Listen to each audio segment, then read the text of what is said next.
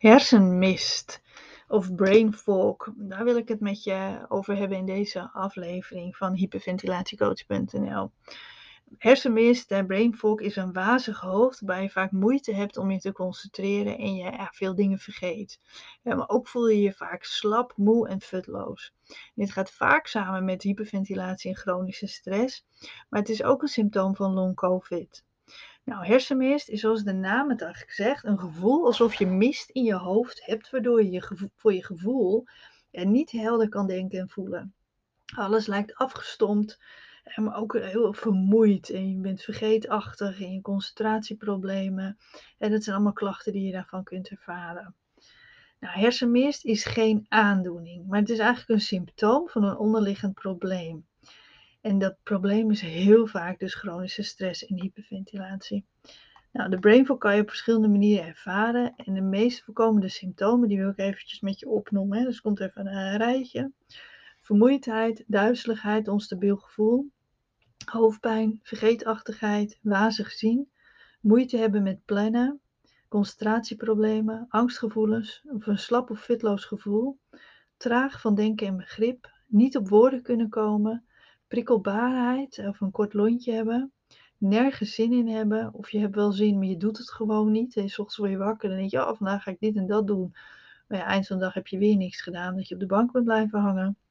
Slapeloosheid, gebrek aan motivatie, neerslachtigheid en depressieve gevoelens, een laag libido en maag- en darmklachten. Nou, zoals je hoort, zijn veel van deze symptomen klachten die je ook bij de hyperventilatie kunt ervaren. Een grote kans is dat je één of meerdere van die klachten wel zult herkennen. Want als wij stress ervaren, dan kan je gaan hyperventileren. Dat betekent dus dat je meer ademt dan dat je nodig hebt. En daardoor ontstaat er een onbalans in je lichaam die klachten geeft. Nou, dat hoor je mij natuurlijk in elke aflevering van de podcast, hoor je, dat dan, hoor je mij dat vertellen. Als je voor het eerst luistert, kijk dan even bij een van de andere afleveringen. Of luister naar een van de andere afleveringen. Of kijk even op mijn website www.hyperventilatiecoach.nl. Want daar staat alles uitgebreid uitgelegd. En we denken vaak bij hyperventilatie aan die bekende klachten. Dus die duizeligheid, vermoeidheid, druk op de borstkas. Maar ook dus dat, dat hersenmist is echt wel een heel veel voorkomende klacht. Als je dit langere periodes hebt, hè, of het mistige gevoel, het wordt eigenlijk steeds meer erger. En dan maakt het je vaak toch wel heel erg onzeker. En het kan je zelfs echt wel een beetje depressief maken. En je kunt ook gaan denken dat er iets mis is met je hersenen. Hè? Bijvoorbeeld dat je aan beginnende dementie lijdt of iets anders ernstigs. Nou, wat is de oorzaak van die hersenmist? Het lijkt erop dat je, dat je brein eigenlijk tijdelijk niet in staat is om optimaal te functioneren. En dat kan dus verschillende oorzaken hebben. Nou, waarbij dus eigenlijk chronische stress en hyperventilatie eigenlijk een belangrijke rol spelen. Die onbalans die ontstaat door het verkeerde ademen. En de hogere aanmaak van het stresshormoon cortisol speelt daarbij een grote rol.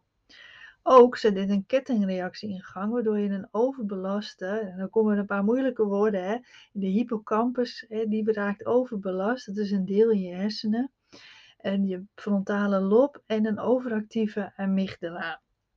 Nou, als je wel eens naar die, uh, uh, hoe heet die nou, die man, uh, Erik Scherder luistert, dan heb je die natuurlijk al vaker gehoord. Dat zijn hele belangrijke delen in onze hersenen die te maken hebben met, met prikkeloverdracht en met, met ons stresssysteem.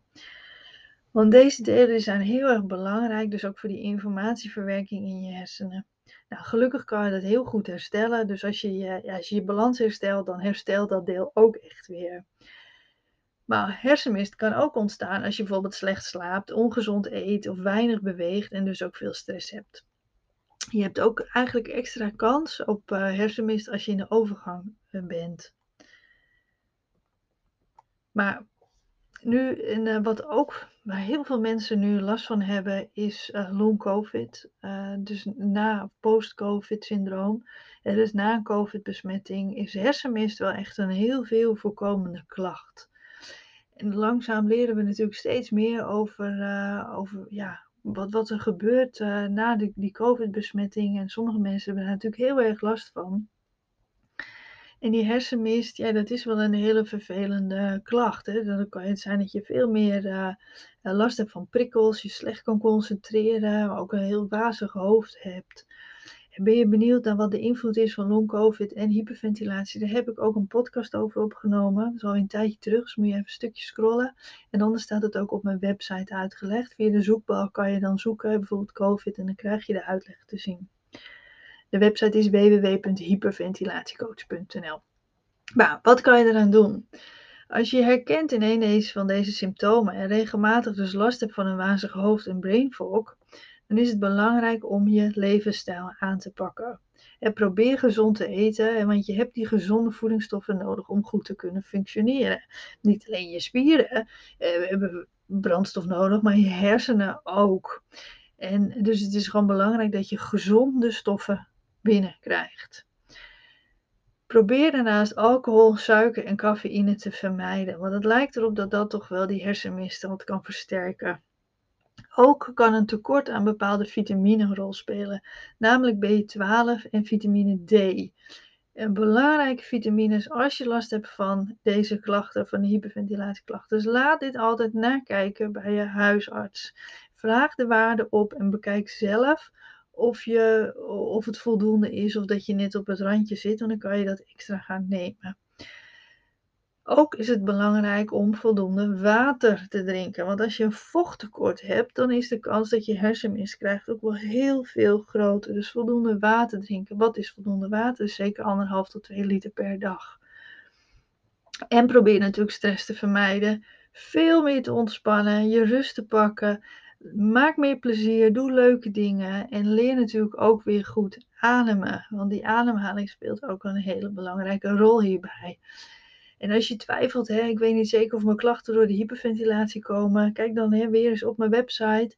Daar staat uh, onder het kopje gratis, dan kan je een vragenlijst invullen en dan kan je zelf de score berekenen om te kijken of je last hebt van hyperventilatieklachten.